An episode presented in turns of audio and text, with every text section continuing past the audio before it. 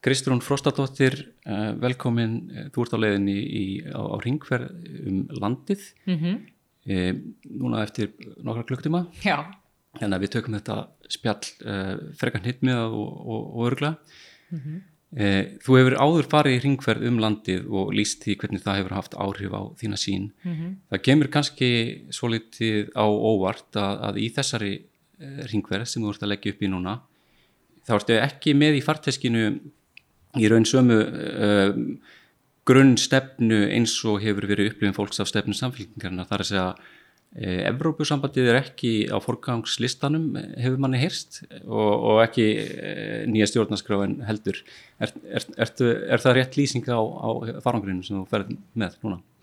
Sko ég kannski fyrst og fremst að fara í þetta ferðala með ákveðin ramma um, sem snýraði að ná betri fótfestu bara í kjarnamálum jafnamanna. Það þýðir ekkert að það sé eitthvað eða allt undanskilið en, en staðrindin er svo að ég er mjög meðvutu farandin í þetta verkefni að það er að byrtast okkur ákveð vandi í samfélkingunni sem er sá að þrátt fyrir mörg góð mál og margt gott fólk þá hefur það til og með að komið fram í konunum að fólk verist ekki vita hvað jafnamannaflokkur Ísland stendur fyrir mm. og í mínum huga á það að vera mjög skýrt að það eru kjör og efnahagur og velferð bara almennings og vennilegs fólks og þegar maður stendur frammi fyrir svoleið stöðu og líka kannski frammi fyrir upplifun manns að að hafandi tala við fólk í gegnum mánuðina, að þetta er ekki mín fyrsta ferð að fólk upplifi bara algjört úrræðalessi í mjög stórum málaflokkum. Ég menn eins og það bara byrtist okkur í dag heilbriðismálum, húsnæðismálum mm -hmm. og fleira. Að þá getur maður ekki annað en að staldra við og hugsa ok, hvernig stillir maður upp forgangsröðun til þess að bæði endurhemda ákveðin trúveruleika að fólk átti sig á því hvar innri kjarnin er og hvað sósjaldemokratiskur flokku stendur fyrir. En það er ekki þar með sagt að önnur mál séu ekki til staðar lengur og verði ekki áfram á stefni flokksins Nei, það sem þú virðist að gera er að færa, er bara eins og fyrirtæki í gerastundum að, að fara að einbeta sér að, að kjarnastar sem Já, í rauninni. Og það er jafnaðastefnan uh, en, en um, um leið uh, er áhugavert að, að þú, þú ert að leggja áherslu á landsbyðina þar sem samfélkingin hefur ekki verið sérstaklega sterk í gegnum tíðina. Mm uh, við höfum líka séð á síðustu uh, árum og, og, og rúmlega það hvernig um, þannig vinstirflokkanir hafa, hafa gert ákveðin svona afdreifrik mistök mm -hmm. í nálgun sinni gagvart landsbyðinu og ekki nefn mm -hmm. bara tvödæmi það er þegar hérna, Stengurmi og Sigfússon talar um að það sé örlítill grænínandi minni hluti á, á móti e, miðhálendis þjóðgarðinum og, og svo hitt sem, sem fólk getur deilt um hvort það verið mistök eða ekki e, en framkallaði vissulega svakalega bylgu utan að landi það er e, nálgun ríkistjórnar Jóhannu og, og Stengrims aftur gafvært því að hækka veiðikjöldin á, á sínu tíma um, í vinstri stjórnunni uh, þar sem var meðal annars uh, spurt uh, hvað höfum við gert ykkur á, á fundi, fundi hérna fyrir austan?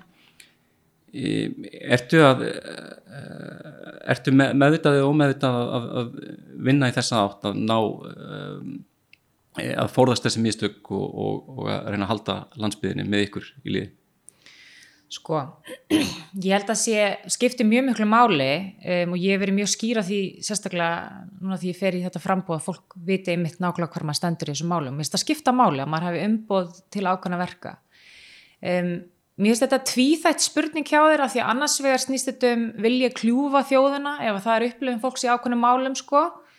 Um, og það eru þetta ákveðin mál sem skapa ákveðin klopning það er auðvitað ekki alltaf svona svartkvít það fer eftir í hvar á landinu, hvern og spyrð og allt það, en það er vissulega þannig að, að hérna hreitn meiri hluti í ákveðnu málum sem að skapast bara á höfuborgarsvæðinu, það máli velta fyrir sér þeirri spurningu hvort að það sé alvöru líðræði að skilja eftir meiri hluta landsens og sko, þrátt fyrir að stór hluti þjóðurinnar sem búið á höfuborgarsvæðinu sé fylgjast einhverju vegna þess að ef þetta snýra málöfnum og atvinnugreinum sem að snerta kannski fyrst og finnst landsbyðina og við erum með þá stefnu eins og samfélkingin er að hafa byggðajöfnuð og tryggja blómlega byggð þá auðvitað ber okkur að taka með af þeim skilabón sem við heyrum.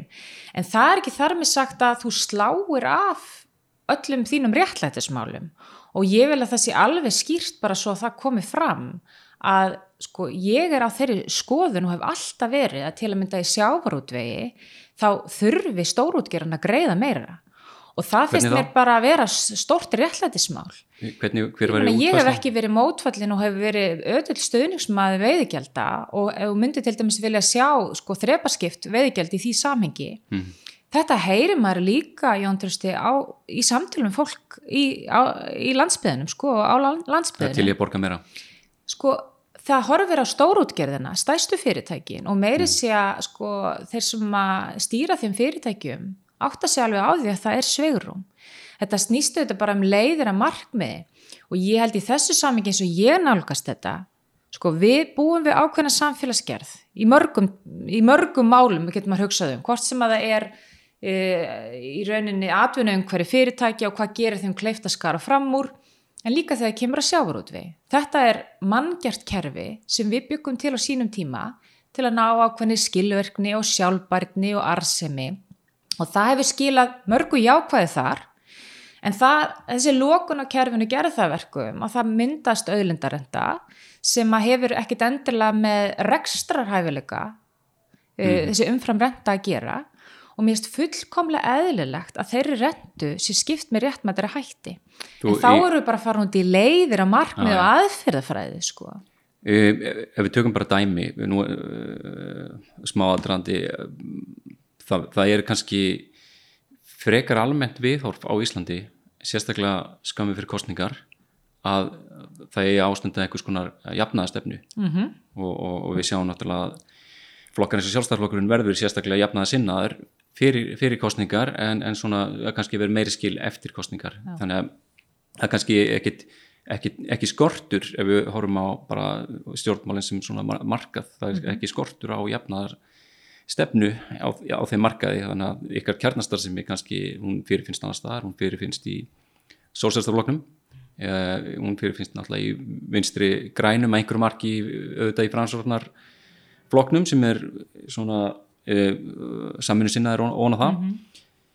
e, en niðurstaðan er samt svo e, að við horfum á e, til dæmis Guðmund Kristjánsson útgerðamann í, í Brimi, þú, þú ert á leiðinu á Akranis á morgun, neða á eftir það ekki já. Já, og, og hérna þar, þar er Brimi eitt stæsti e, atvinnureikandin, vinnuveitandin mm -hmm. hann er með 3,6 miljónir í mánaðatekjur mm -hmm. samkvæmt frálsari vestlun það er nú ekkit eitthvað svakalegt en, en svo er hann með 72 miljónir króna á mánuði í fjármæstíkur, í hverju mánuði mm -hmm. 72 miljónir mm -hmm. þetta er samfélag sem hefur líst sem mjög jafnaðar sinnuðu það sem er talað um að sé jöfnuður á heimsmæli hvarða mm -hmm.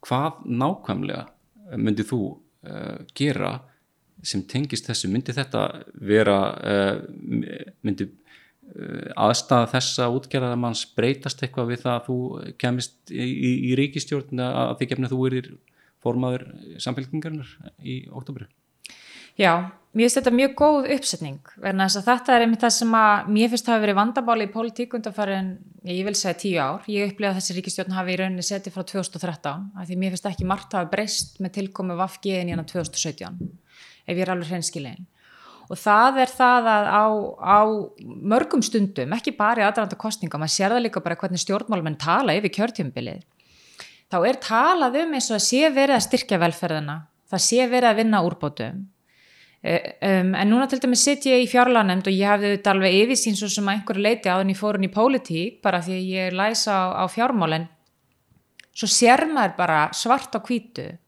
að efnaðstefnan sem er á baku þetta, fjármálastefnan, skattheimtan, tekjumyndunin og hvernig e, þetta misvægi millir útgjald og tekna myndast, er algjörlega á móti e, þeim velferðar áslun sem er verið að tala fyrir af ákveðnum flokkum, þetta er ekkert allir flokkanir ríkistjórn.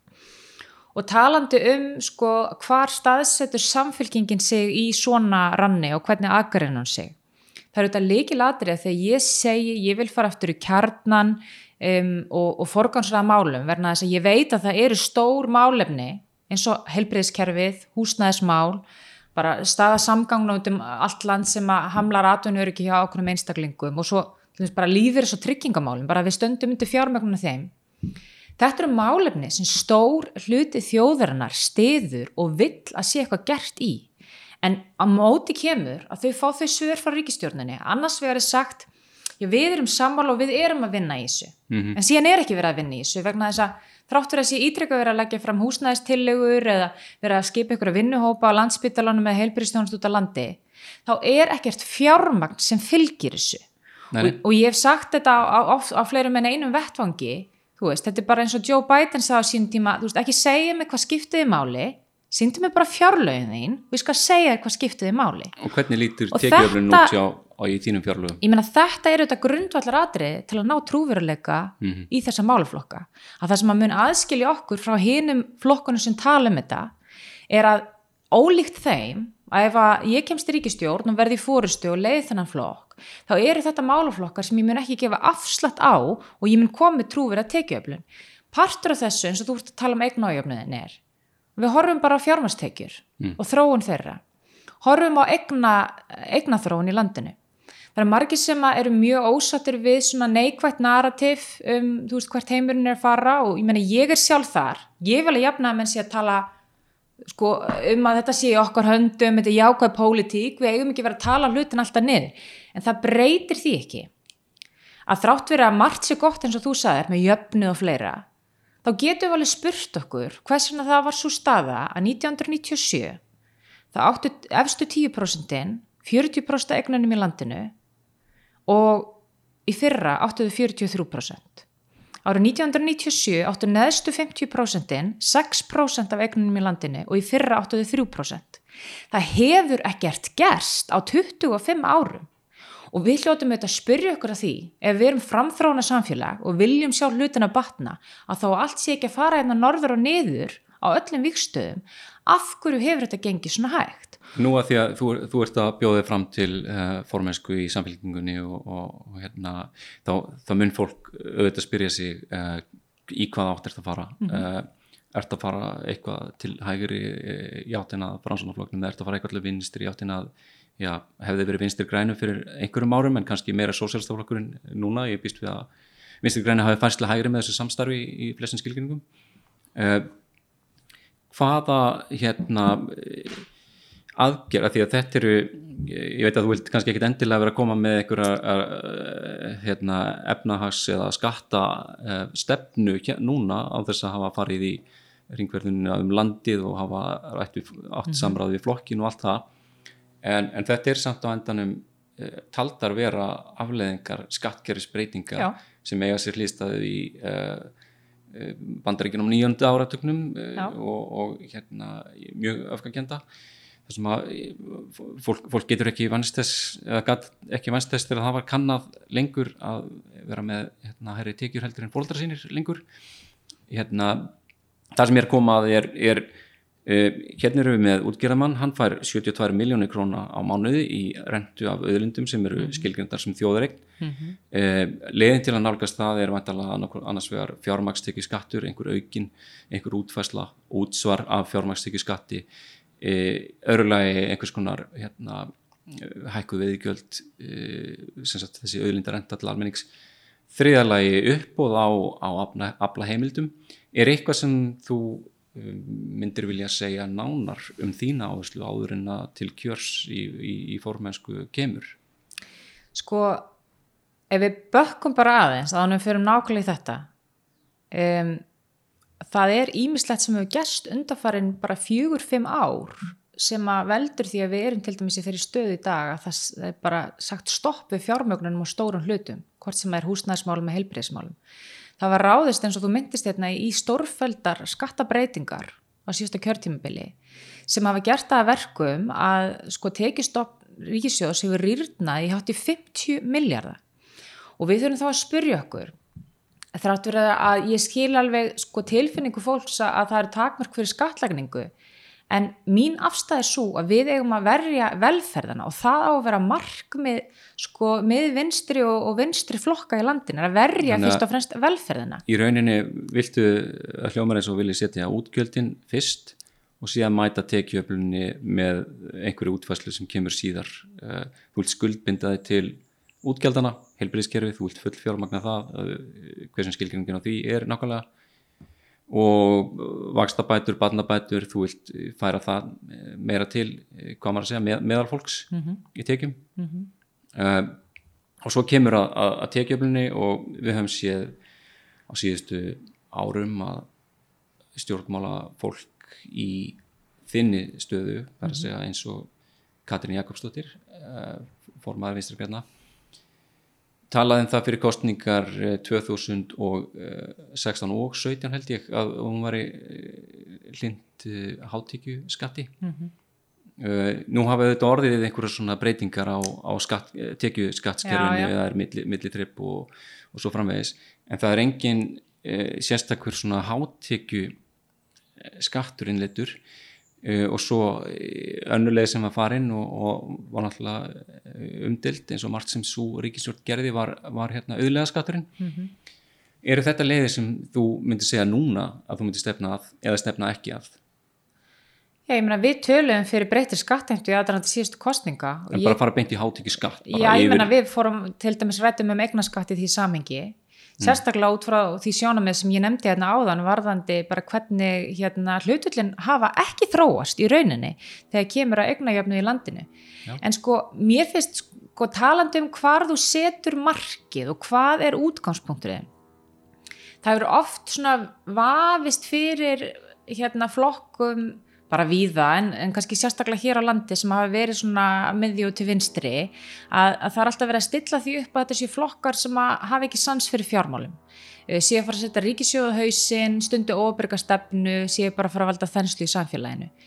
Sko markmið þeirra sem að setja við stjórnvölan hverjum tíma að mínu mati er að muna af hverju við erum að gera þetta til að byrja með. Við erum ekki að reyka fyrirtæki hérna, við erum að reyka samfélag og útgangspunkturinn hlýtur alltaf að vera þjónustan og grunn þarfir fólksins í landinu. Síðan erum við með tæki og tól. Það eru vextir sem Sælabankin er með, við erum með skatta og gjöld og alla þess að þætti sem þurfa að vera breytilegir bara líka eftir hagsveiflu, stöðun í kerfinu, stundum kemur mikill peningur inn af því að það gengur verið í hagkerfinu, stundum minna. Þetta eru tól sem á að eiga við. Ég er ekki að segja þar með sagt að það komi aldrei upp sko mómentar sem að þurfa að passa upp á útgjöld og auðvita á að vera skilvirkni í ríkisrekstri og þá ekki bara að skrúfa frá. En þegar kemur að grunnþáttum eins og fjármögnun á heilbreyðskerfi, infrastruktúr, fjárfestingu, það á ekki að nota þessa hluti sem sveiflujafnandi sko, þætti í hagkerfinu uh, út af bara skattheimtu hverju sinni. Nei, ég setji þetta sem eitthvað svona fasta þetta er í fórgangi hjá okkur uh, á meðan kannski sjálfstæðarflokkurinn væri, væri með atvinnulífið í fórgangi þá viljið þið setja fólkið í fór, fórgangi við skil, skilir rétt við hugsum þetta bara öðruvísi og mér finnst mjög mikilvægt að sko fólk sjáu okkar afstöðu til atvinnulífsins í þessu samengi verðan að þetta hangir allt saman. Mín afstæða til afst- a- atvinnulífsins er ekki svo að það gerist ekkert gott í atvinnulífinu. Þetta er annar líka stimpill sem að þessi flokkar fá stundum á sig.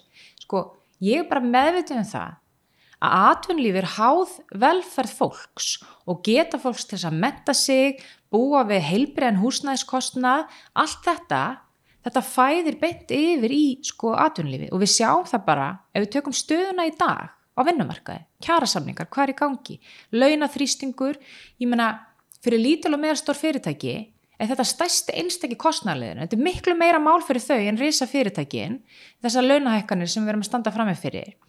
Og partur af þessum launakröfum er að koma til vegna þess að stóðin sem á að vera ríkismegin sem er velferðarkerfið, það að tryggja fólk geti haft aðgengi á húsnæðaréttu verði, að þurfi ekki að vera með brjála greiðslu þáttöku í, húsna, í hérna heilbriðskerfinu sko það að þessi úrræðalessi þar bitnar auðvitað á atvinnulífunu vegna þess að þá í staðin sækir fólk þessi kjör bara í beint í launavassan þannig að fyrir mér spilar þetta allt saman. Þetta er ekki annarkort eða en þetta er auðvitað vissulega nálgun. heldasín þetta er þessi ekki heldasín og, spurning. og, og hérna e, svo fyrir mér sértækt atrið af þessum atriðum. Þá talar, um, talar þú um kerfisbreytingar Mhm. á húsnæðismarkaði núna á alþingi í, í vetur. Já. E, hva, hverjar eru þær kerfisbreytingar sem þú myndir vilja sjá nákvæmlega? Ég myndi vilja sjá að ríki kæmi með öflugri hætti inn á húsnæðismarkaðin. Fyrir mér er þetta sko bara grundvallaratriði að þetta sé skilgrind sem grunnþörf hjá fólki.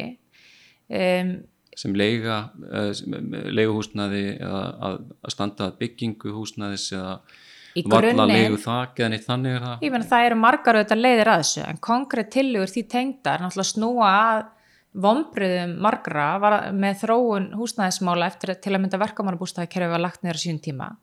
Þá var farin svo leið að í staðin fyrir að, að ríki stæði við baki uppbyggingu ákveðins húsnæðis og það væri tryggð þá kostnaðar af því og í einhverju tilökum réttu til kaupa, kaupa yfir eitthvað tíma sko um, og, og þá staðið undir svona stöður uppbyggingu þá var farin svo leið að auðvelda öllum að skuldsetja sig meira og meira og meira og meira fyrir húsnæði.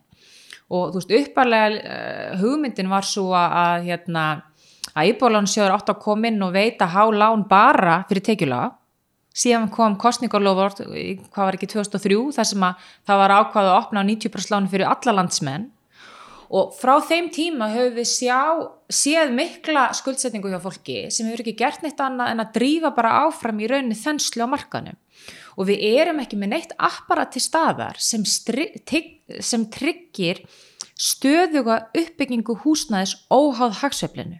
hvernig myndið þú, þú gera það? Já, meðal annars með því að ríki komi inn, hvort sem það er með beinum hætti að það sé, sko, það sé en útfæslu atriði hvar í rauninni sko batterið er, hvort þú sért með einhverja stopnun, einhvern millilið, en að það séu fjárframlög sem komi í auknum mæli, menn í dag eru við með almenna íbúðakerfið og hugmyndina bak við það var í rauninni svona vísir að verkamannabústæðakerfi, þar sem að ríkið setur inn stoppframlög, um, sveitafélög koma með inn á móti og það er hægt að fá hérna lán uh, á hagstæðum kjörum. Og þetta var þá hugmyndin svo að þú ert að, að niðugreða uppbyggingakostnað til þess að bæði uh, halda aftur af þá legukostnaði síðan meir í þessum íbúðum en líka bara koma í veg fyrir að þegar hagsveiflan fyrir að stað sem hún gerir ónætanlega og mun alltaf gera á Íslandi að það sé ekki bara bankarnir sem stýri uppbyggingu í landinu. Þannig að þeir eru áhættufælnir uh, og þeir sko í, í, í niðursveiflu svo eru áhættusæknir þegar það er uppsveifla og þá sveiflast húsnæðisuppbygging alltaf með stemningun í þjóðfélaginu þegar þann ætti að sveiflast bara með mjög fyrirséðri fólksfjölgun í landinu. En nú hefur til dæmis ríki komið að uh, húsnæðislánum með í, í bólánarsjóðu á sínum tíma Mhm. uh, og húsnæðis og man, mannverkistofnun uh, þetta, þetta eru aðalega sem eru með mun verri vakstakjör yfirleitt heldur en heldur en jáfnvel bankanir uh, hérna varst, sástu fyrir þér að, ríki kem inn með einhverjum þannig hætti að tryggja lá- lána fjármögnun til tekjulægri uh, eitthvað slíkt og, og Sko þetta er auðvitað tvíþægt. Við höfum verið að fókusa mikið núna undan fyrir nári hér á Íslandi að fjármögnun til þess að kaupa og vandin hefur fyrst og fremst verið líka á uppbyggingarliðinni þar að segja að það sé bara stöðugt og nægt húsnæði. það hefur alltaf verið vitað hversu margar íbúður eru í uppbygging hverju, hverju sinni þannig að það- það er skortur á upplýsingum. það er auðvitað bara líka partur af starra vandamáli og ég ætla nú alveg að gefa núverandi ríkistöðin eitthvað, kredit fyrir að þessi vinna virðist verið í gangi, Mhm. sjáum hvað kemur út úr henni, en ég ætla ekki að gera lítið úr því sem er í gangi þar. En sko ég er ekki að tala fyrir því að ríkið taki yfir allan húsnæðismarkaðin, um þetta snýst ekki, en ef þú horfir bara á statistík yfir íbúðir sem eru byggðar á félagslegum grunn á Íslandi, þá er þetta kringum 6% af húsnæði hérna. Þú ert bara að hækka það ná, og útfæra það nánar já, á sínum tíma þá var þetta nær Mhm. 11-12% í löndunum í kringum okkur er þetta miklu harri Mhm. hérna hlutföll. Og þetta er ákveð akkari, þetta er grunnur sem heldur aftur hann á resturnamarkanum það er ekki þar með sagt að allir hefur verið leiguhúsnæði og það geta enginn keift sér eitthvað sjálfur. En við sjáum það bara að staðan á leigumarkaði er meðlans falla því að það er ekkert akkariðar sem kemur inn sem er óhagnaðar drifið heldur þá aftur á leigumarkanum ef þú nærði að halda aftur á leigumarkanum og hækkunum þar, þá heldur líka aftur á kaupmarkanum, þannig að þessir markaðir spila saman. Þannig að mín skoðun er bara svo að ríkið á að taka ábyrð á þróun á grundvallar atriði hagkerfinu, þannig að þess að húsnæðismarkaðurinn og þróun þar, hún bytnar beint á skattfí, hún bytnar beint á útgjöldum hérna, þetta er stærstu, stærsta hagsöflubreytan í hagkerfinu Já, já, og láta svo meiri þetta kom ekki, já já ég minna, og láta svo þetta kom ekki ríkinu við, finnst þér galin framsetning? En varandi bankana sem eru mjög fyrirferðar miklu núna í útlánum á húsnæðismarkaði við séum það til dæmis áhugast að sjá að landsbankin er, hefur svona heilt yfir verið með, verið með lægri vexti heldur en Ar Arjón banki og, og Íslandsbanki, mm -hmm. það er að segja rí, ríkisbankin uh, í fyrsta lagi finnst, finnst þér uh, ástæði til þess að leggja áherslu á að halda ríkisbanka? Öðru lagi uh, eru af því þú, ert byrjandi aðalhagfræðingur kviku og, mm. og, og þekk, þekkir bankaumgöri eru bankarnir að taka of mikið til sín í vöxtum getur þeir til dæmis en að fara þá leið að hækka ekki vexti strax þó að stýrivextir vext, hækki getur þeir tekið þátt í þessu með eh, samfélaginu að, að hemja einhvern veginn útgjálta vöxtin mm -hmm. sem er samhliða verðbólkunni núna og vera, vera setni til að hækka vexti, hvað finnst þér um þetta? Sko ég hef verið hlind í að landsbankunum sé haldið eftir, eh, haldið eftir ef svo maður segja um, sem ríkisbanka. Ertu sammála eh, sölun á Íslandsbanka þar að segja að selja hluti í Íslandsbanka? Ég, ég hef ekki gert aðtöðsendir við þá hugmynd að bankin sé seldur og mér finnst ekki gert sérstakt sko áherslu, áherslu mál að, að ríkið eigi tvo þriðju af bankagerunum um, en það er auðvitað, það fyrir eftir hvernig það er gert og það er auðvitað allt önnu spurning sem að ég held að, að margir hlustendur og lesendur veit alveg hvað ég standi í því máli en sko varandi landsbankan þá hefur mér fundist skynsalegt að, að hérna, það verði beðið með að selja landsbankan þar til að við erum komið líka eins með skýraðir sín bara um framtíða músíkina mm. í bankakerfinu. Þannig að þú væri alveg sátt við að selja landsbankan, er bara uh, tímasetningin sem skiptir máli. Nei, ég held að sko í grunninn væri skynsalegt að vera með einn ríkisreikin banka. Mm -hmm. Það sem ég segi bara er að nákvæmlega útfærslan á því, þeim banka er ég ekki með í höndunum Nei. akkurat núna og ég er ofin fyrir mismunandi útfærslum í því samingi. Í það sem ég finnist ekki skynsalegt væri að fara að staði ykkur að vegferð að A selja bankan og B skilgrinnan fyrirfram sem ákveðna tegunda banka áður en við hefum rætt hvers konar fyrirkomulega okkur vantar. Viljum við frekar eins og í sömu löndunum í kringum okkur vera með svona, hvað ég segja áhættu minni apparata sem er fyrst og fremst bara í svona almennum lánveitingum og ekki fjárfestingabakastarðsemi þetta sé meiri svona sparisjóða fyrirkomulag eða eigum við að vera með, með hérna, aðra þætti líka. Þetta er bara eitthvað sem hefur ekki verið rætt í tengslu við landsbankan en ástæðin fyrir því að ég hef verið hrifin að þessar hugmyndir nákvæmlega út af því sem þú varst að segja á hann Jóntrusti að sko þetta veitur okkur tækifæri til þess að vera með banka sem er með læri arsimiskröfu sem starfar á öðrum forsöndum sem er samfélagslegri vegna þess að það verður ekkert litið fram hjá því að, að bankarnir eru þetta bara mjög stór lífæð í hagkerfinu, bara sama hvað fólk mm. vil segja um þá, þau, þeir ákveða í rauninni hverju lifið að deyja þegar kemur að fyrirtækjum og hafa gríðarlega áhrif líka bara á lífskjör fólks, þannig að þarna stöku þá komið kannski starfsemi sem er á öðrum arsmisforsundum þarf auðvitað að bera sig einhver síður. Á að geta að vera með þunga ríkisábyrð eða við hefum ekkert að vera beitunum eins og íbólinu á sjóðu var beitt á sín tíma. Það þarf að vera skinsa en þarna gefst tæki fyrir þess að vera með akkari þegar kemur að kostnaði hvort sem er launakostnaði eða, eða ristnu og, og, og það veitir sko böngunum á hvað aðhald. En fyrst er bankunni verið að taka óhóflega eh, vexti af fólki núna í, bara í ljósið umhverfisins er þeir að ganga lengur en þið þurfa að gera ættir að vera að halda mér að gefa fólki meiri, meiri slaka? Ég held að liggja allavega alveg fyrir að í svona umhverfi eins og við erum í sem er í rauninni bara fákjafnisumhverfi þá hljóta svona spurningar alltaf að vakna.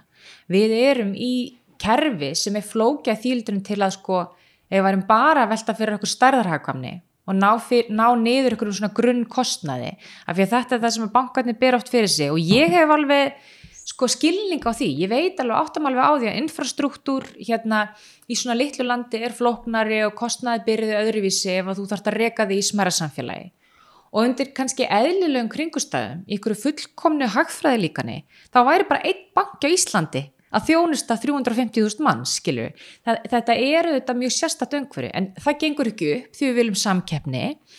En það er samt fákeppni þrátt fyrir að við ættum kannski bara að vera með eitt banka vegna þess að þetta eru þó ekki nema þrýr bankar sem að eru með í rauninni skilur 90, ég veit ekki hvað hlutildin er núna en þeir eru með í kringu 90% af markanum eitthvað svo leiðis og eru reknir með uh, góðum afgangi góðum reknir með góðum afgangi og það hefur bara sínt sig og síndi sig bara í COVID og sko nota bene sá afgangur sem við sáum af því að ég sá alveg þessar kynningar sem kom eftir COVID það sem að var verið að tala um að, að þetta væri nú bara uppfæsla á eignasöfnun þetta væri nú ekkert eitthvað raunverulegur hagnar höfum í huga af hverju er uppfæsla á eignasöfnum verðan þess að uppaflega þegar óvisa skapast um COVID þá voru svo mikið hræðsla að þeir myndi sko lenda í vandrað með lánin sín, fyrst og finnst fyrirtækja lán en líka eitthvað hjá einstaklingum. Hvað gerist þá? Jú, ríki kemur inn til að koma í veg fyrir spíral í hagkerfinu og í rauninni undir eh, skrifar ákveðin lán með steyðja við bankana og gerir það að verkum að eignast að bankana með beinum og óbeinum hættu út af aðgerðum hérna ríkisins rýrna ekki eins mikið og þeir halda. Svo er þetta skrifað upp og auðvitað þarf arsiminn þá að taka með að meðaltölum þessari tveggja ára. En þetta verður ekkert að gera endalega með rekstararsnil þeirra sem er í böngunum heldur það að það var undirskrift frá ríkinu þarna þannig að það er partur af hagnanum. Það er meiri vakstamunur í öðrum löndum, við veitum að það er bara þannig, en ég skal alveg viðkynna við þig, ég hef bara ekki séð útlistun á þessu og þess vegna er ég ánað með að ég veit að sko uh, Lilja Alfreds er að gera ykkur úttækt á þessu í tengslum við hérna kostnabankana ég ætla bara rétt að vona að koma eitthvað út úr þeirri skýslu og það verður bara mjög fróðlegt að sjá sko niðurbrótið á kostnaði bankan í því samengi en þetta er svo grunur sem maður hefur auðvitað og tilfinning að þetta hafi ekki bara að gera með undirleikandi kostnað heldur þetta hafi að gera með fákeppni stöðu en þetta er eitthvað sem ég myndi vilja fá reynd skilur en, en það breytir því ekki að sko meiri sé að þó þeir myndi ekki fara þá leið núna segjum sem svo að þeir tækja á sig eitthvað samfélagslega ábyrð og myndu ekki uh, hækka vexti. Sko þeir taka þetta bara út með öðrum hætti þeir bara býða þá með að hækka vexti á innlandsreikningum eða skilju. Mhm. Það eru sko á meðana að það er verið að starfa eftir ákveðnum arsemisforsendum sem eru bara tildulega háar myndi ég segja í íslensku hagkerfi. Það er verið að meða við stöðuna í alþjóðlegum hagkerfum þar sem að, og, og stærri mörgum þar sem eru kannski forsendu til þess að vera með herri arsemi. Þá er bara, sko, þau finna leiðir til þess að ná þessum arsemismarkmiðum. Nú er, nú eru uh, húsnæðislána vextir á Íslandi Uh, og stýrivextir eru hærri en samanlagt á öllum Norrlöndunum og ESB-svæðinu eða eru lagðar saman þessar prosenttölur sem er svona ok, bara svona til gamans uh, einhverjir sögðu fyrir nokkrum árum að leiðin fram hjá þessu væri að gangi í Evrópussambandið og taka upp Evru og, og sem var stefna samfélgingarnar en, en þú ert í raun að segja að þetta sé ekki þannig forgangsmál að þetta væri leiðin til þess að leysa að einhverju leiti þess að vaksta á þján ef hún er þannig uh, hérna, íslenska almennings eða, og uh, verðbólgu þróunina og allt það. Uh, er það ekki rétt skilja hjá mér þú, þú ert ekki lítið á þetta sem einhver svona kjarnamál í þá átt? Ég myndi nú ekki orða þetta sem slíkt.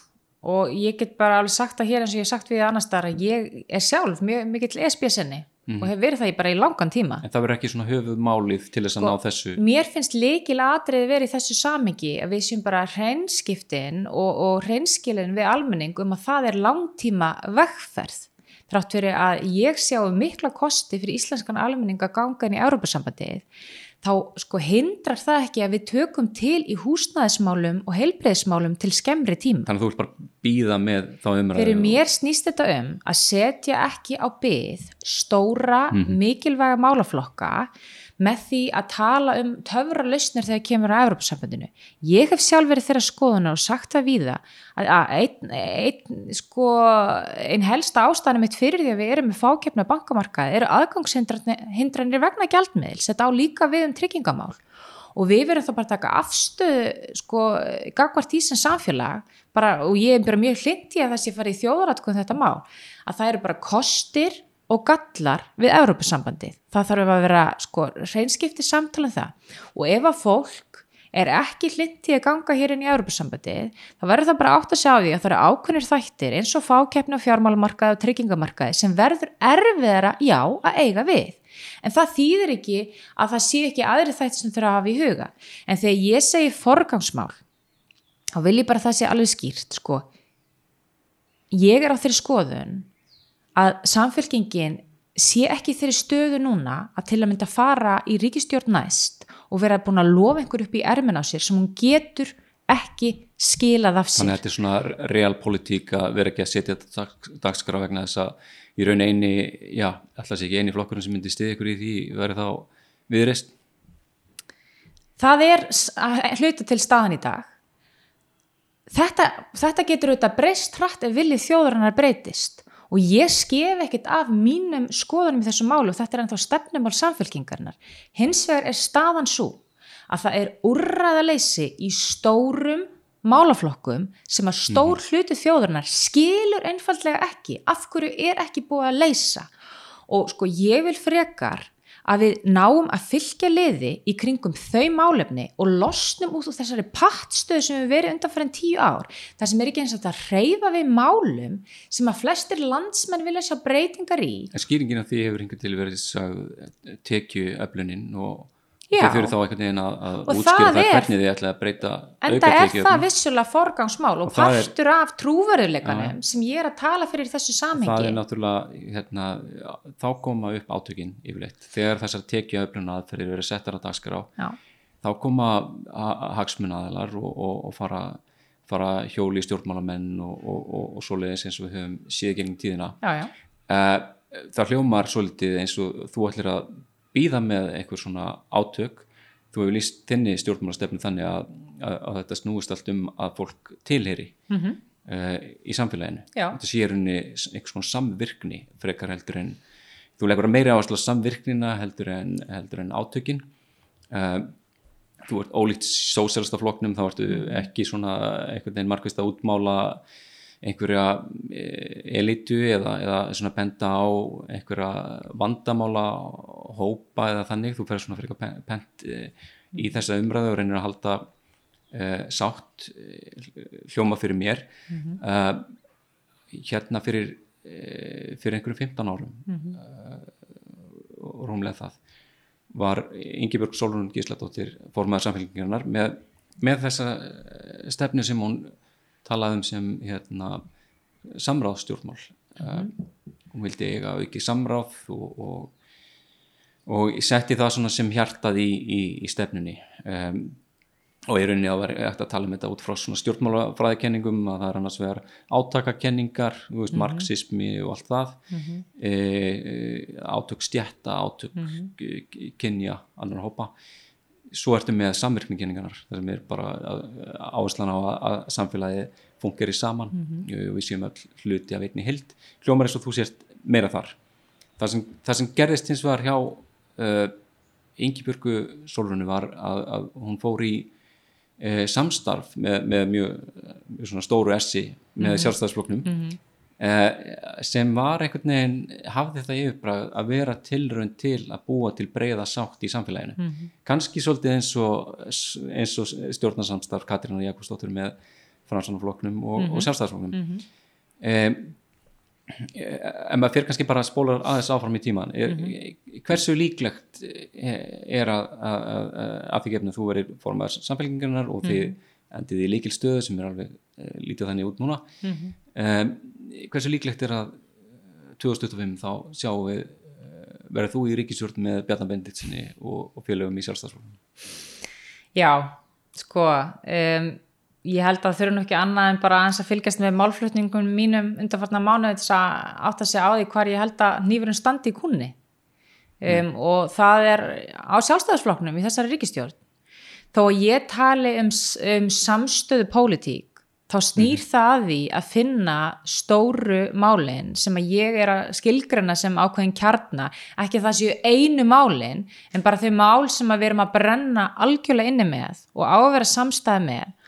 Og þegar kemur að tekjuöfluna baka þau mál að já, við höfðum til samfélags ábyrðar fólks vegna þess að mér finnst skipta máli að sósjaldemokratísku flokkur eins og samfélkingin að það sé breyður hópar af fólki sem getur kosið þann flokk og það getur líka verið fólk sem er á háum tekjum og á eignir sjálft vegna þess að það átt að sé á því að það bara er þessi virði að búa í samfélagi það sem er sátt. Og það áttar sér líka á því og þetta er bara partur af samtalenu, talandum það að maður mæti ekki með konkrétt útfæslur sko þremur árum fyrir kostningar stór partur af baráttunni eins og ég sé hana næstu 2-3 árin er að snúa ofana bara ákveðnu narratífi og sögu sem hefur verið að segja hér undan fyrir 10 ár En- sem snýra einstaklingshyggju hver sér um sig sjálf það hefur verið að lækka skatta til að segja að fólki að finna út úr því sjálft og síðan er fólk hissa á því að verkefælisreifingin komi fram að segja við fundum út úr þessu sjálf, við ætlum að hækka launin. Þetta snýst um að við förum aftur líka því ég segi kjarnan, að við í kjarnan að skilja sko út frá pól, hvað pólitík sko hérna á að gera um, og sérstaklega pólitík sem er velferðarpólitík sem er að sinna velferðarkerfinu og við munum af hverju við erum að þessu og fólk átti sig á því að ef að það stendur vel hvort sem að sé einstaklingur eða fyrirtæki að það fór ekki þangað eitt, eitt. Og við erum Nákvæmlega. líka að koma út úr af því að við erum að tala um þessa hugmyndafræði ég meina minn kjarni og áttaviti byggir líka á þeirri hugmyndafræði að mér hefur þótt og, og þótti og þetta kemur ekkert bara frá mér þetta er auðvitað bara skilgrenning margara á með vinstrinu að við fórum á langt í þá leið að tala bara um jöfn tækifæri og hjálpa fólki að rýsa sem gerir það að verkum að hópurinn sem er skilin eftir upplifir ég er hér út af sjálfu mér ég nýtt ekki tækifærin þráttur að það er aragróf ástafan fyrir að fólk situr eftir og þeir sem rýsa upplifi að þeir hafi gert það á 100% eigin forsendum að það sé ekki samfélagsgerð og mótu tækifæri sem að þau hafi fetað okkur farvegi íslenski og fyrir drömmin. mér, íslenski draumin og fyrir en... mér er þetta stóra verkefni til já, að byrja já. með að undirstinga þessa í að rauninni nú, breytingu að nú sko eh, uh, fyrir fólk að kjósa í síðasta lagi vantala 2000 25 og ef allt fer sem horfir þá, þá verður ver, ver, þú að leiða samfélkinguna í, í hérna, samgefni við sósastaflokkin og, og í samgefni við framstofnaflokkin eða hvernig sem það verður skilgrend eh, hljómar eins og allir að svolítið að reyna að láta flokkin verða allra og, og síðan vinna með, með smátrein eftir það.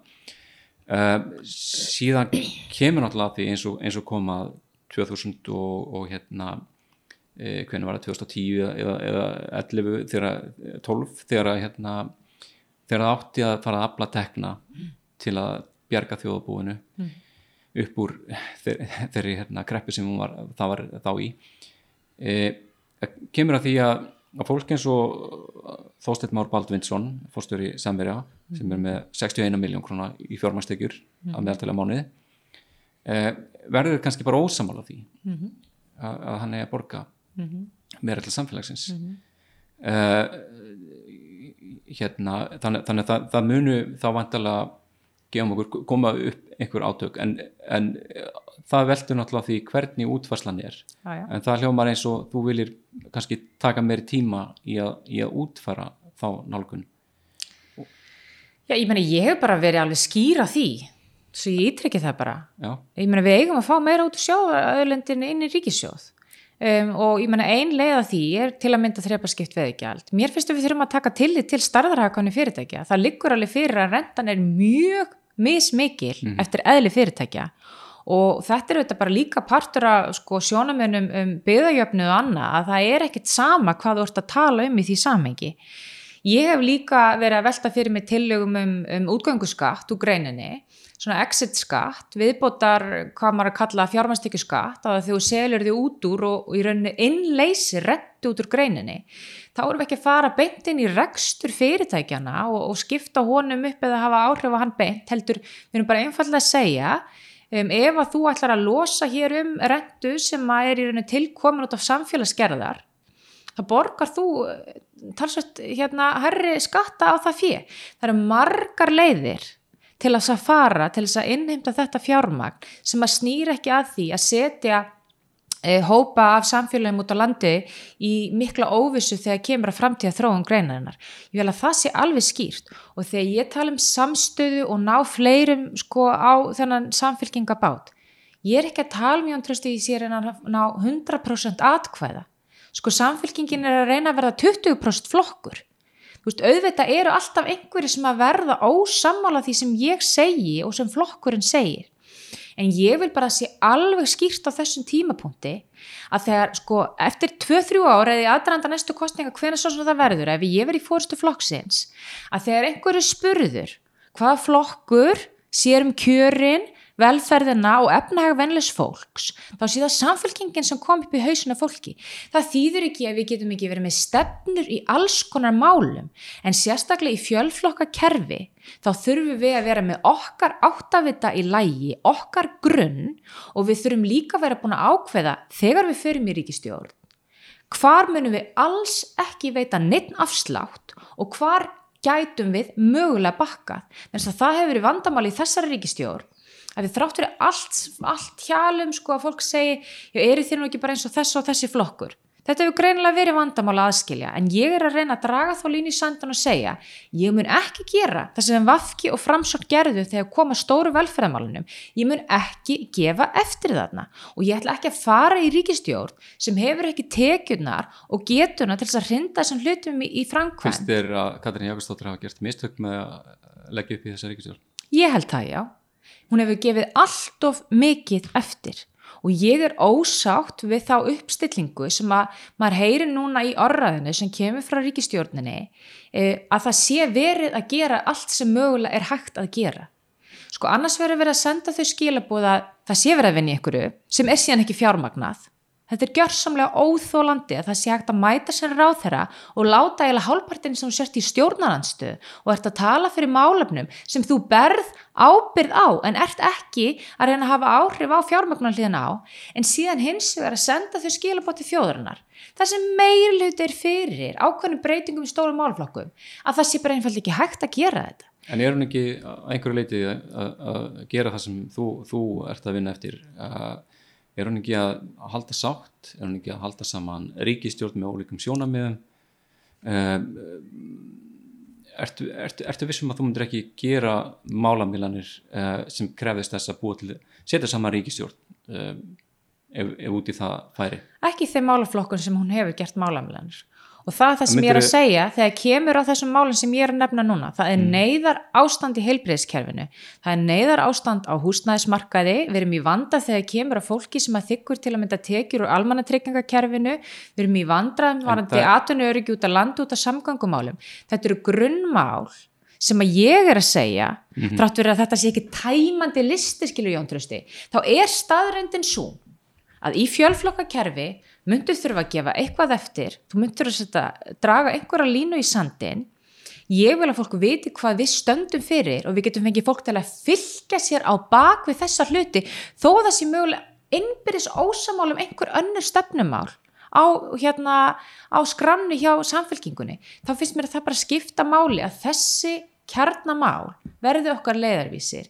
Og ég hef engan áhuga á að taka samfélkinguna inn í ríkistjórn sem að veldu vombriðum, það er ekki gott fyrir flokkin, það er ekki gott fyrir trúveruleika og það er heldur bara ekki gott fyrir þjóðuna núna.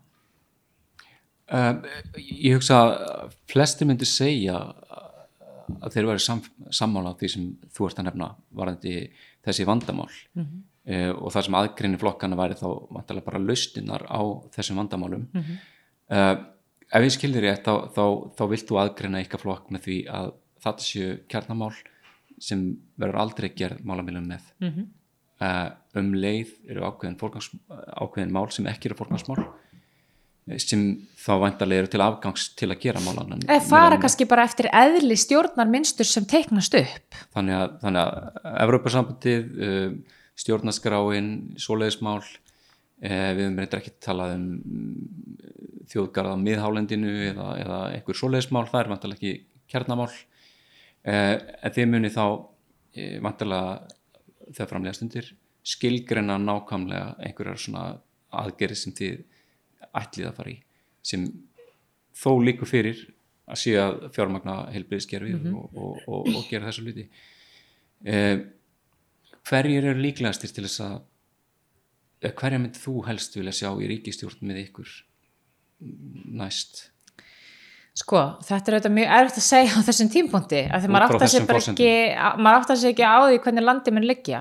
En ég eh, sko skef ekkert að því að, að ég áttar alveg á því hvað vandamálið er í núverandi ríkistjórn og það er í fjármálurraðunendinu og ég hef engan mm. áhuga á því sérstaklega áhuga á því að fara í ríkistjórn þar sem að hendur mín eru bundnar undir sömum fórsöndum og núverandi ríkistjórn Þannig að, að þið eru er ekki beinleins að útiloka sjálfstæðsflokkin eins og Píratar hafa gert en þú ert í raun að horfa sjálfstæðsflokkin sem hvað sísta kostin ég meina fólk hlýtur að átta sig á málflutningnum að sko þetta er augljóslega ekki sko drauma ríkistjórn að lendi í þeim vanda og það þarf einhverja stórar breytingar að eiga sér stað sjálfst, í sjálfstæðsflokknum til þess að, að við, við sjáum það sem mögulegt stjórnarsamstarf. Bjarni myndi hætta, myndi það næja Ég veit ekki hvað þróun, þróunir er að fara að vera á þeim flokki.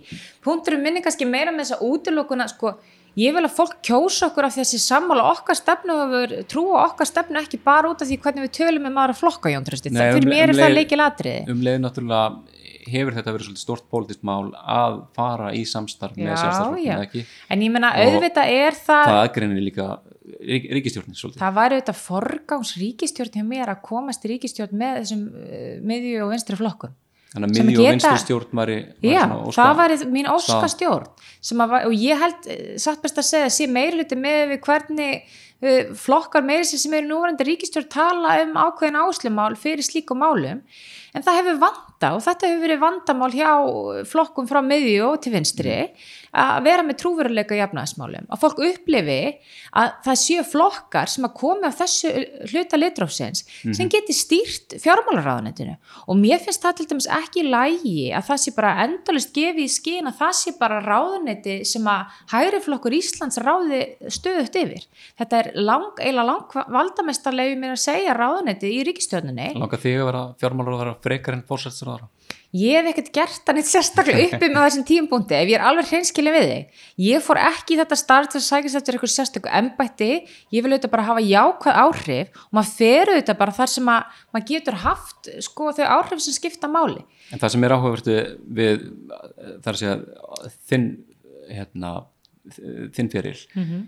e, þú ert ef ég er að lesa rétt í þetta þú ert, þú ert eini þú erðir þá eini hagfræðingurinn sem formaði samfélginguna frá því að Jón Baldvin Hannibalsson var í raunni í þessari þeim flokki sem var, var hann í aðrandanum í alltíðflokknum um, finnst þér það að vera svona svolítið líkilatrið að, að koma með hagfræðina inn í, inn í hérna, eh, vinstirflokkan Sko það er alveg kostur og gallar af hagfræðinga. Og ég hef kynst ymsum miskóðum í gegnum tíðina og ekkert alltaf verið samálaðið um, Mér finnst þetta kannski snúast einhverju leiti bara um trúverðuleika líka að fólk upplifi eins og hérna þetta sé málaflokkur sem flokkar sem eru frá miður til vinstri geti bara vel stýrt. Og við sendum út þau skilaboð að það sé hægt að reyka ríkið öðruvísi, það þýði ekkit óða verbolgu eða að millitekju fólk verði skattlegt, skattlegt upp í, í toppi eða það megi engin reyka fyrirtæki eða græða pening á Íslandi skilju, þetta er bara forgangsröðun, þetta er hvernig þú horfir á hérna, virði hlutan í hagkerfinu. Og mér finnst þetta bara stór, stór partur að trúveruleika uh, með vinstri ríkistjórnar að við séum með hérna, sterkar lausnur á þessu formi, en við sjáum það bara í núverandi ríkistjórn að þetta er það sem að yfir gnæfir öll önnur stefnumál þessar ríkistjórnar, það eru fjárlögin. Að það stendur bara ekki stein yfir steini þegar kemur að því þessum yfirlýsingu þeirra en það er ekki fjármagn til staðar og valdið er slíkt í fjármálraðundinu mm -hmm. að það stoppar allt á einu ert, flokki sem er með 50 fylgi í landinu. Þú ert í rauninni að tala um að, að Bjarni Bendinsson skilgreini í rauninni bara þörf íslensk samfélags uh, nánast uh, einhendis. Það er þannig, það er mín sterka upplifun að mót, rammin er mótaður í fjármálraðundinu og þetta er ekkit óæðilegt við, sko ekki miskila mig. Það er enginn að tala um að skrúfa bara eitthvað frá öllu fjármagni. En það breytir ekki því að það er ekki verið til að mynda að hugsa sko áherslu ráðanetar með þeim hætti að eitthvað fagráðaneti fái til sín verkefni sem er ótrúlega mikilvægt og sér kannski fram á að muni verið að tekið aukandi í framtíðinni eða dragur og örku eitthvað tíma síðar. Það skilgrinni þörfina, þjónustu þörfina, grunnþarfir fólks það kemur eitthvað kostnaðar mat á því og það er sendt í fjármálaráðandi nei, það er rammi sem er bara sendur yfir á velferðaráðandi skiljaði fjármálaráðandi og síðan þarf bara að taka ákvarðanir út frá því. Það er ekki dýnamist samtalatn á milli það er Svolítið mjög auðvist það er mjög mikil top-down nálgun og auðvitað þarf ákveðin aga í ríkisfjármálum.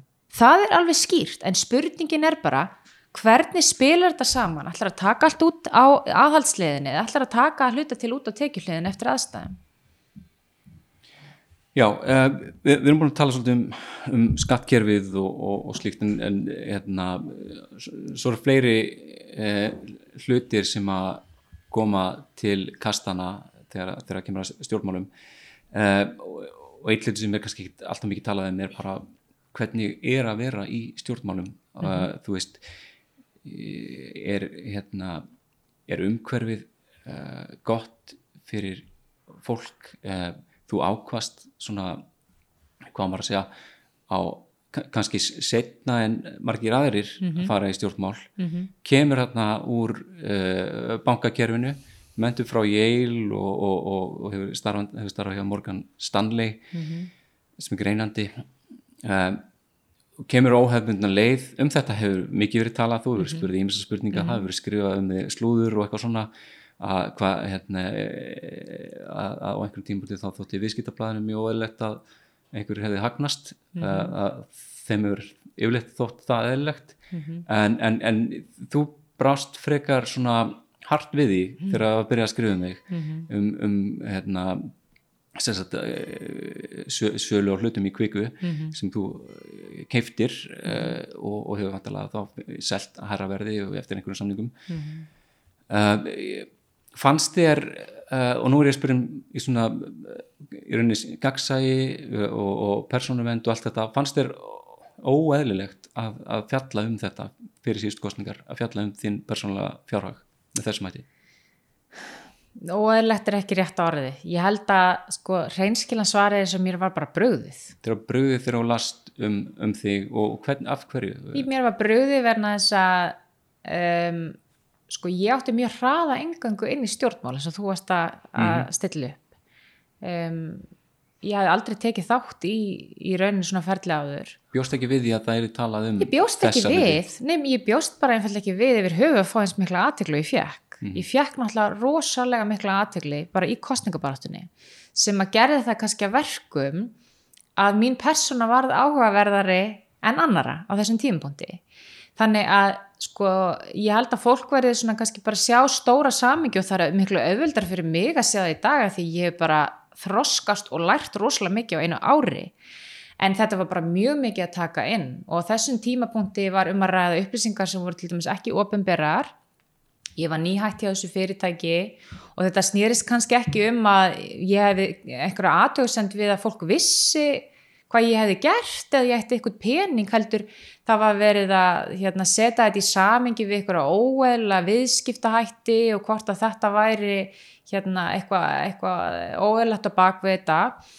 Og mér fannst vera að teikna mjög óheilbreiða mynd upp að mér. Það var enginn sem að spurði mig bara svona mjög einfaldra spurninga um minn persónlega fjárrak sem ég hefði bara mjög mm -hmm. líklega svara eftir einhvers konar aðgjöf Var það einhverju leiti vegna þess að, að, að almennt eins og ég var að benda á mm -hmm. almennt eru viðskiptablaði ekki að fjalla um það að fólk fái einhverja algreðslur eða eitthvað slíkt þau eru unni viðskiptablaði forðast í runni ákveðna umfjöllun um einstaklinga en þarna er einstaklingu tekin fyrir og, ja, ja. og hérna af, á skiljanlegum ástæðum að segja að því að þú fer í stjórnmál þú ert svona mm -hmm. óþekkt stærð og, og, og þú ert vinstramegin mm -hmm. þú, þú, þú, þú ert vinstur manneski sem hefur hagnast mm -hmm. á, á starfi í banka ég mhm. vildi þetta svona ákveðnar anstæður ah, um, en, en þú upplifir upplifir þetta væri ósangjant framsetningin þá á þessu frekar heldur ég upplifði að það hefði markvist verið að teikna upp ákveðna mynda mér þetta var hluta einhverju stjórnmálum, einhverju hagsmunabaratu já, ég upplifði það en það breytir því ekki, þú veist að sko þú veist, maður er bara mannlegur já, maður, maður þarf bara tíma til að melda okkur hluti Sér eftir því að bröði svona við eða finnst þú að hafa bröðist á hættu? Ég get eiginlega ekki sagt að ég hef séð eftir því verna þess að ég bara vissi ekki betur á þeim tíma, skiljur. Mm -hmm. Maður bara lærir og lifar og allt það og ég gerði nú upp þetta mála sínum tíma eftir kostningarnar í Silfrinu og ég menna hef bara sett allt á borðið sem hægt að setja borðið og hef í raunin ekkert að fela. Um, fyrir mér var þetta framsetningarmál að það var svona mjög meðvitað að vera að ég mitt að stilla sér upp ákveðin hátt í, með einhverju narratífi sem ég bara hafði enga stjórn á. En partur af þessu var í allir hreinskil bara sá að ég var ekki undir þetta búin. Ég er í grunninn mjög prívat manneska þú veist, ég er ekki áður en ég fór í stjórnmál þá var ég eiginlega ekkert á samfélagsmiðlum. Ég er ekki mitt, mitt líf út af við skilur, ég kem ekki úr fjölskyldu þar sem að allir vita hver fólk er og er, blöð, er í blöðunum allt þetta og þetta gerðist mjög hratt fyrir mig. Og mér bara dætt ekki hug í aðranda kostninga, ég er í þeirri stöðu að fólk væri að grafa upp einhverjar upplýsingar og setja það í svona samingi það breytir því ekki að ég get alveg sagt í dag, ég menna, mér er engin vorkun, skilju, ég er í sterkri stöðu, ég er í forréttenda hópi, mér finnst fullkomlega eðlilegt að fólk spyrja þessa spurninga og hafi áhuga á manni. En þetta er bara partur af því að stígun á nýtt svið og nýjar upplifanir er maður á mann og maður á börn og maður á fóreldra og af og ömmu og allt þetta sem eru líka að gangi gegnum þetta með manni og maður kemur ekkert full mótar inn í það ferli. Þannig að þetta er bara lærdómur sem ég dró. En ég menna ég er ekkert sköðuð á, á hérna á sál eftir þetta mál og það er engin bitur eða ósætt í mér gagvart þessu skilur, mm. þó ég hef upplegað þeim tíma þetta er þetta líka bara partur að því. Þú veist, þú ert búin að vera í kostninga bara til fjóra vikur og valla sofið, skilur og síðan ertu með fimm viðtöl og síðan ringi símiðin út af þessu og þú vilt bara tala um málefni, skilur þannig að þetta eru þetta bara partur aðstæðum. Þetta eru þetta til að skert að taka mann úr jafnvægi skilur og til að skert? Já, ég menna, einhverja leiti þú veist hvernig, hvernig þessu var stilt upp á þeim tímapunkti mm. að, að tímasetningin og, og, og innrömmunin, það var svolítið þannig að ég einhvern veginn ég náði ekki anda til þess almennilega að segja sjálf frá hvað gerðist. Og gata í raunin ekki fyrir bara eftir kostningar fyrir en ég var bara eins búin að kvíla mig og ná áttum. En það breytir því ekki að ég er í engri stöðu til að stilla því þannig upp og þetta að vera ósangjant eða hvað svo sem er. Ég hef ekkert að fjöla mm -hmm. og mhm. mér finnst fullkomlega eðlert að fólk velta þessu fyrir sér. Og ég skil alveg að fólk sé að velta mínum uppruna fyrir sér. Ég menna fólk er bara flóki Jón Tristi, ég menna það er ekkit allir staðlaðir einstaklingar og eru búin að fara einn ein veg í lífinu, en mér finnst það líka holdt að við séum með fjölbreytta einstaklingu stjórnmálum, fólk sem hefur ekki bara einn reynslu heim, ég myndi vilja sjá samfélkinguna þannig að við séum með fjölbreyttan fólk, hópa fólki allstar á samfélaginu sem deilir þessum gildum sem ég, sem ég hef þegar ég kemur að velferðamálum og það hver, hvar ég hef unnið breytir ekkert mínum grunnskoðunum í lífinu hvað hérna e, hvaðan kemur í rauninni þessi jafnaðar hugssjón til þín? E, sumir alast upp við einhver kroppkjör eða verða einhvers áskynja e, hafa einhverja lífsreynslu sem þrýstir þeim áfram í einhverja hugssjónabartu að berst fyrir einhverju þú náttúrulega þú býrð ekki við kröppkjör eins og segir uh, þú kemur ekki úr þeim reynsluheimi. Uh, hérna hva, hvað er það sem fær þig til að stíga þetta skref yfir í ákveðin óþægindi sem fylgjaði að vera stjórnmálamæður og, og vantalega einhver fleiri óþægindi sem eftir að koma í, í framtíðinni? Þú ert að leggja þetta á þig fyrir, fyrir hvað og hversana Já, sko þó ég hafi staðið ágætlega undan fyrir en ár þá er það ekki þannig að ég sé aln upp við svona aðstæðu sko.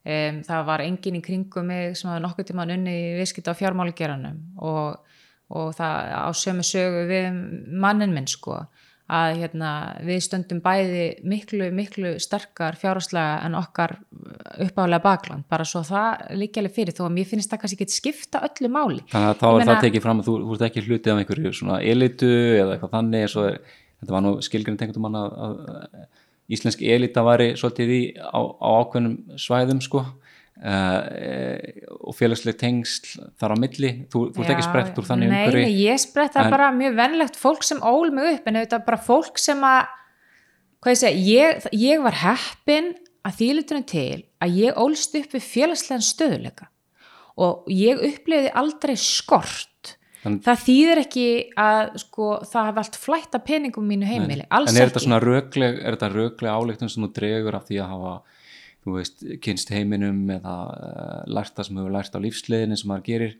Þetta er meira rauglegt heldur en svona tilfinningalegt að hafa að upplifa eitthvað á eigin skinni eins og menna, fólk getur er, gert. þetta eru þetta bæði. Ég menna fólk mm. getur upplifa og gengi gegnum alls konar hluti í sinni æsku þó að það snúist ekki bara að maður hafi verið í mikil í fátækt. Nei, nei, og ég hef ekkert viljandi vilja blanda inn öllum mínum persónulega reynslum gegnum tíðina en ég hef alltaf verið mjög meðvituð um það að sko mér hefur vegnað vel í lífinu.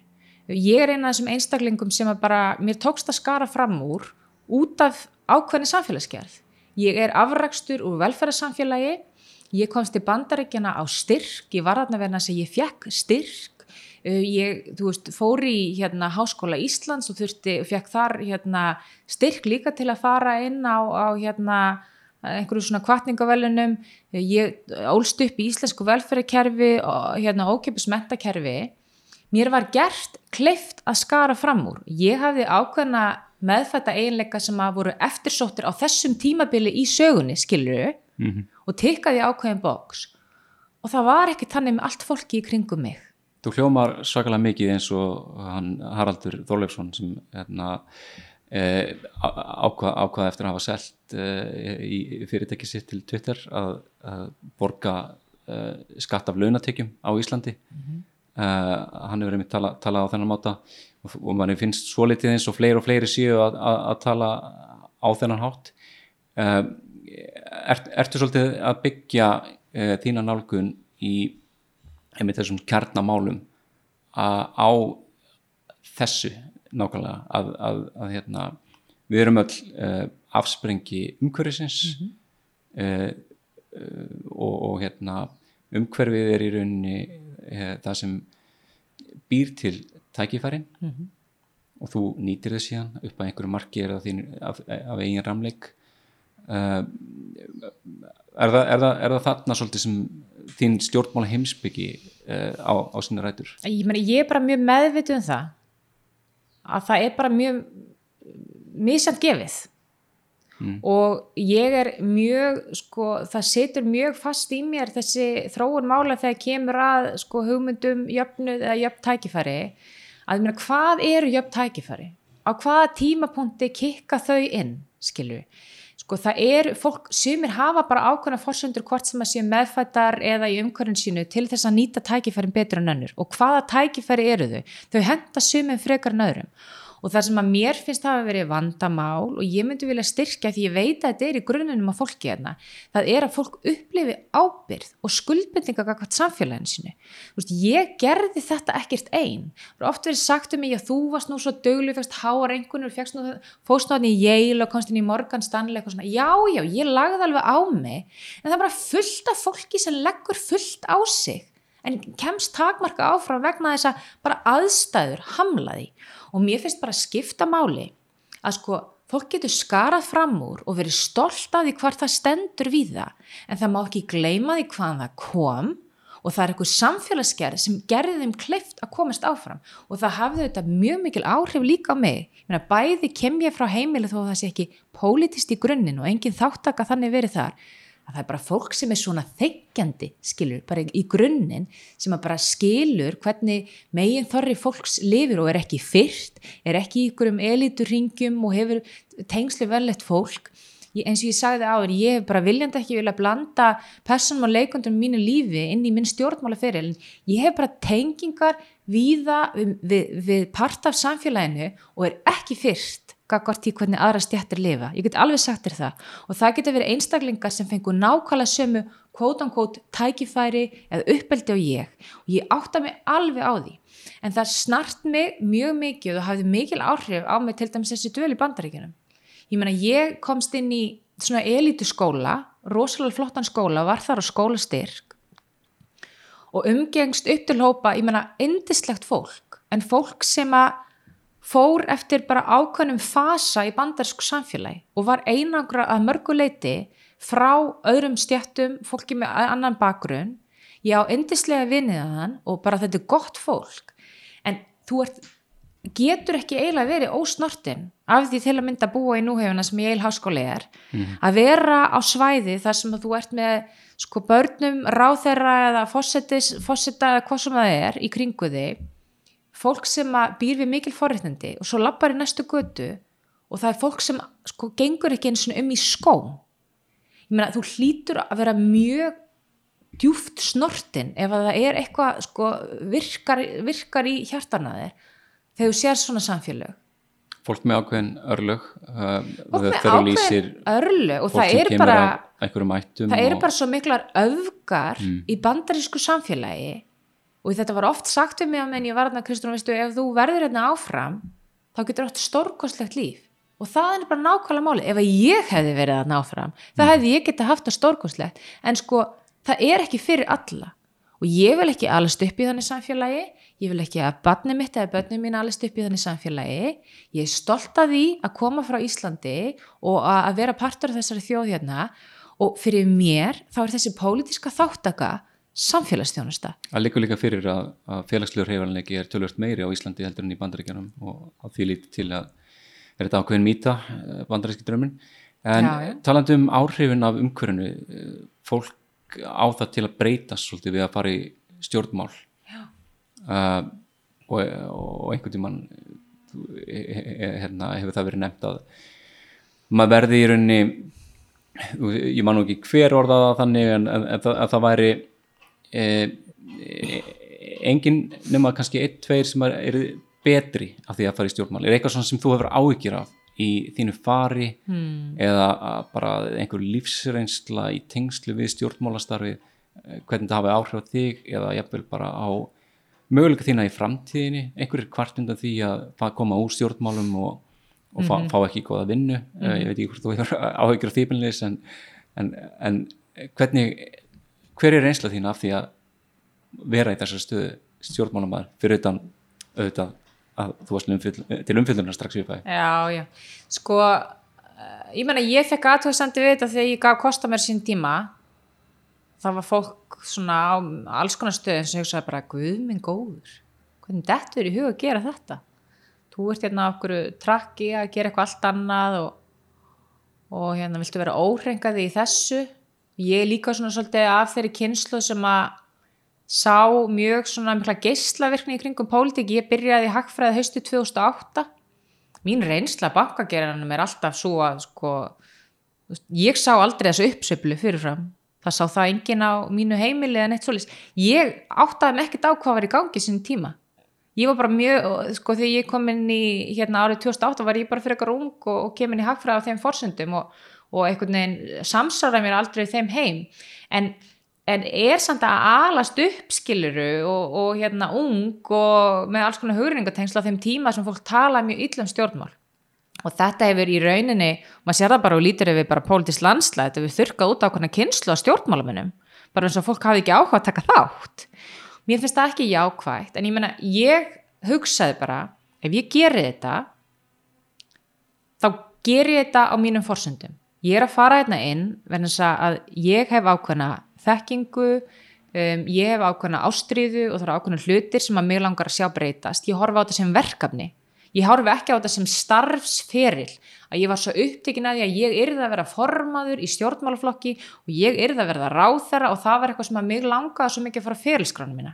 Fyrir mér snýrist þetta um það er ákveð verkefni ég hef ákveðna eiginleika get ég orðið til góðs hvar er ég að nota mína styrkleika? Ég meina þetta er ástæðan fyrir ég tók ákvörðunum að hætti vinnunni sem ég var í á sín tíma. Þó margt að verið gott þar. Að ég, þetta var bara kallt mat hjá mér. Bara hvar er ég að eigða mínum hæfileikum og í þáu hverra? Og þannig tók ég þessa ákvörðun. Það sem ég held að sé hins vegar erfiðast hérna og maður finnur það bara strax. Ég, meina, ég finn það bara í þessu formannskjöri hvað það er að þingi. Það er að standa í fætunar og það er að segja hvað er raunverulega finnst auðvitað þarftu að gera málamelanir, það er fullkomlega eðlilegt, en ég verð að standa og falla með því sem ég geri. Og ef að mér bregst í þessari vegferð, hvort sem er að verða formaður eða ef ég verð formaður að leiða flokkin og, og fá styrkleika og fara í ríkistjórn og allt það, þá verð ég að bregðast á mínum eigin forsöndum og ég verð að hafa sannfæringu fyrir því sem ég segi. og það þýðir ekki að öll mín gælumál eða allar mínar persónlega skoðanir á öllum málum komi alltaf fram. En ég verð að hafa eitthvað fram að færa vera með eitthvað strategíu sem er það sem ég er með því ég tala um hvernig við forgámsum að við látum ekki færast og mikið í fang ekki þvæla okkur í aukaðatri akkurat núna, hvar getur við raunverulega haft áhrif og fólk upplifi eftir því að samfélkingin hefur verið eitt kjörtjumbili stjórn, er þetta flokkur sem getur gert eitthvað, bara eitthvað þú veist, komið einhver í gegna því fólk upplifir nákvæmlega eins og varst að segja upp að við að pólitík skili engu. Og til þess að komast á þann stað þá þarf þetta að standa í fætunan eins og fólk hefur mjög mikla skoðanir á þér. Það er mjög eðlilegt. Fólk vil veita hluti um þína persónulega hægi sem upp á einhverju marki er eðlilegt. Það vil líka hafa áhrif á alls konar atriði. Og þú verður að hafa sannfæringu fyrir því hvað þú ert að gera. Og þetta er það sem að maður sér hérna inni að ég held að þessi mismunandi nálgun fólks afhverjað fyrir pólitík. Ég fór ekki í pólitíka þegar mig vantaði vinnu og ég, vildi, ég vil vera hérna í x mörg ár eða vil fá eitthvað embætti. Ég fór í pólitíkunum sem er langar að gera ákveðna hluti. Ef að fólku vill ekki þá hluti og vill ekki mig, þá er það alltaf lægi, skilju. Og ef ég held í sjálfa mig, þá held ég að þetta vandamál með að maður fá ekki vinnu eftir þetta og allt þetta fólk veit bara hvað ég stend fyrir. Og ef það er einhver vinnustafur sem vil ekki ráða mig út af því hvað ég stend fyrir þá láka mig ekki til að vinna þar skilju ég held ymmit að vandamáli sé það. Þeir sem að lendi í vandra með vinnu eru kannski þeir einstaklingar sem hafa ofinberað ákveðna eiginleika út af við sem gerist í þessu starfi sem þeir ekki að vera ákveðna vinnustöðum. Í öðrum tilvikum þá vatnar fólks í 100% út og getur ekki staðið og fallið með neinu en það þarf að það þarf öllum að líka vel við það, skilju. Þetta er held í stæsta barð og stjórnmálumanns. Þú finnur þetta um leið og þú byrjar í stjórnmálum. Og þú getur ekki gert öllum til geðs í öllum smáadröðum. Það eina sem ég byðum er að fólk áttist bara á því að þegar ég tala um ég ætla að gera ákvöna hluti, að það treystir mig fyrir því, skilju, frekar en ég sé að lofa öll upp í ermin á mér til þess að gera þetta geðs, til þess eins að fara í ríkistjórn og valda því sem bara vombrið. Það er ekki gott fyrir mig, persónulega, og það er svo sannlega ekki gott fyrir samfélkinguna. Þið eru með eitthvað svona mælulegt markmið verist vera eins og er svolítið fælegt í, í uh, verkefnum, eða þú ert að horfa á þetta svona verkefnum með það, mm -hmm. uh, verkefnum stjórnulega, þá mm -hmm. byrju til mælulegt markmið uh, sem getur verið mjög útþynt reyndar uh, að, að fylgja því Uh, þú talar um 20% af því ætlum við að stefna á 20% flokk mm. Þið fengur tíu senast stefna uh, lækkuðu þá um 2 rúmlega prosent uh, hérna verð, er það núna, núna kom nýkannun mm -hmm. sem síndi reyndar að, samfélgingin var komin eitthvað yfir 15% er það ekki rétt mm -hmm. með því að mér? Sem ef ég skildi rétt var gerð eh, eftir að þú bóðar þitt frambóð eh, Þorstedt Pálsson er, er farin að eh, hérna fyrirhandi fórmaði sjálfstæðisflokknins er að, að, að farin að tala á það leið að, að vinstri græn muni í raun ekki geta farið í ríkistjórn nema með, með ykkur mm. eins og þau tölu á sí, sínum landsfundi mm. eh, hvað hvað myndur þú segja eh, er, hversu bjart sín ertu á að fara í ríkisjórn uh, og, og hvað nákvæmlega uh, myndi gera svo að verkum að, að þú veri bara sátt uh, við að hafa átt aðkoma á stjórnmálum hvað svona getur þú skilgrenda með einhverjum hætti hvaða áfangið það væri mm -hmm. segjum að þú kemist í ríkistjórn 2025 mm -hmm. 2029 í framtíðinni er þá kjörtumbilin lókið mm -hmm. hvað verður nákvæmlega búið að gerast. Þetta er mjög stór spurning. Og getur margt gæst í mildtíðinni Ég held í grunninn það sem að ég vil fá út úr þessu verkefni þú veist, svo get ég nefnt ykkur á konkrétt hluti en það sem að ég vil fá út úr þessu verkefni er bara að endurvekja trú fólks á þessi hægt að breyta sko. við erum komin í svo mikil mikla svona neikvæðni, hvað hvort pólitík að fólku upplifir eins og það sé bara endalist einnstæðilis í stjórnmálum stjórnmálamönnum og fólk geti ekki tristi sem einstaklingar segja, það er tilbúin að kjósa svona eitthvað hvað maður kalla meðjum og þá eru margir sem tölum framsókn, þú veist, er ekki bara best að kjósa framsókn? Af því að hvort sem er, kannski gerist ekki neitt. Uppgjáðtótt fyrir mér er þetta uppgjáðtótt ég skil alveg okkur það breytir því ekki, ég skil alveg af hverju margir kursu framsókn, ég ætla ekki að gera lítur þeirra árangri, en sko þegar ég tala um samstöð pólitíkun á fólki saman þá er ég ekkert endilega að tala um, og ég bara eiginlega alls ekki að tala um stjórnmál minnsta samnefnara. Ég vil frekar að fólk komi með á samfélkingavagnin vegna þess að það fyllist von og trú um eitthvað sé hægt. Ekki að það bara svona láti sig hafa það að kjósa okkur. Og ef að það er hægt að koma svona tilfinningu aftur inn í pólitíkina eftir næsta kjörtjumbil að fólk upplifa að við getum gert eitthvað í saminningu af því að þegar maður tala um fólk út um allt land algjörlega óðið hvar þú tala um fólk. Það er allir á því að það sé hægt að gera þetta öðru og það sé hægt að breyta. Síðan er þetta spurningum nákvæmlega hvaða mál það eru.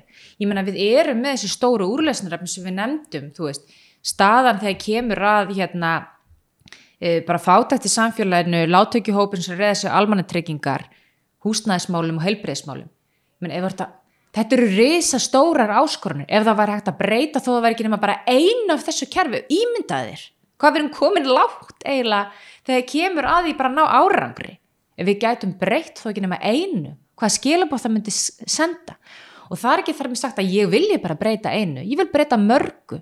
En fyrir mér er þetta lagskipt verkefni Mér finnst skipta máli að næsta sko, samfélkingin fyrir ríkistjórn þá sé það ekki bara í eitt kjörtjumbil til að hreinsa upp heldur sé það í nokkur kjörtjumbil vegna þess að sko það er algjör sko algjört ofmat í pólitík og mér er reynda svo margt í lífinu en sérstaklega í pólitík hvað áhrif þú getur haft á einu ári. Og svo er vannmat hversu mikil áhrif þú getur haft á tíu árum.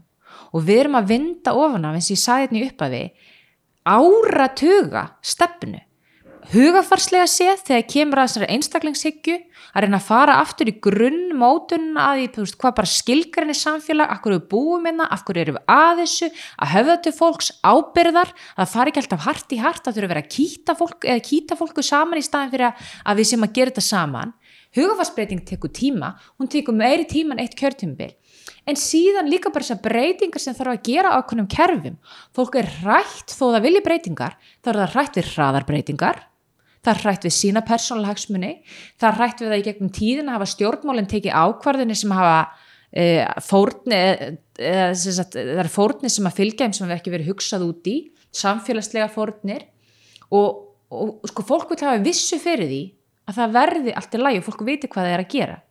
Þannig að sko fyrsta skrefið verður alltaf það að byggja upp trúveruleika, von og trú að fólk kjósi mann af því að það er spennt og áhuga samt og heldur að maður geti þetta ekki því að maður er skástur maður deliveri og skili einhverju af sér á næsta kjörtímabili til þess að vera komin trúveruleika grunninn að geta sótt fram á fleiri vikstum, á fleiri stefnumólinn samfélkingarnar sem ég stið, skilju, en við getum ekki farið fram þegar við erum 10% flokkur núna og eins og landslæði er í dag og við þarfum fólk skakvart stjórnmálum og sagt hér er 12 málefna listi af stórum kerfisbreytingum, við ætlum að fara með þetta allt inn í næstu kostningar, við munum gera þetta allt saman, valda svo bara vombrum vera ekki með fókus, fara inn í ramt stjórnarsamstarf og þá er þetta bara búið aftur.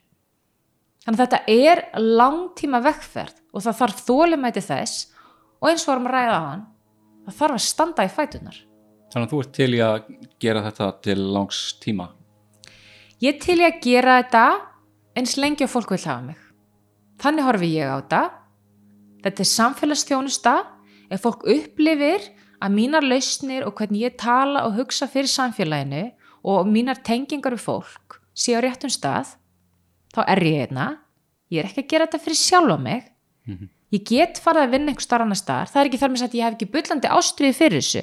En ég er á þeirri skoðan að fólk á að vera í pólitíka og meina samfélagi vil hafa þar ef að man, manns hugmyndir ná ekki brautagengi þá er það ekki mm. ósangitni kjósandi gagvart hér þá snýst það bara um að það er ekki það sem fólku vil en það ærlegasta sem þú getur gert og heiðalegasta er að koma fram eins og þú ert tala bara hreint út segja fólki hver strategíðan þín er sem er það sem ég er að reyna að útskýra fyrir fólki hvaðan ég er að koma og af hverju ég er að stilla hlutunum svona upp. Ég vil bara sjá okkur breytingar skilju við erum búin að vera í pattstöi allt og langan tíma nú þurfum við bara að komast eitthvað áfram og þá þurfum við að velja að hafna tímabundi og ég er hver, alveg tilbúin að sætta mig við það En svona lókum, hver heldur hafa verið, heldur hafa verið helstu místök samfélkingarnar fyrir utan að, að kannski setja of mörg mála dagskrá sem hafa valdið því að flokkurinn fór nýður í 10% og hann fór ennlegra þar á þar Ég veit satt best að segja ekki hvort það sé mitt að segja.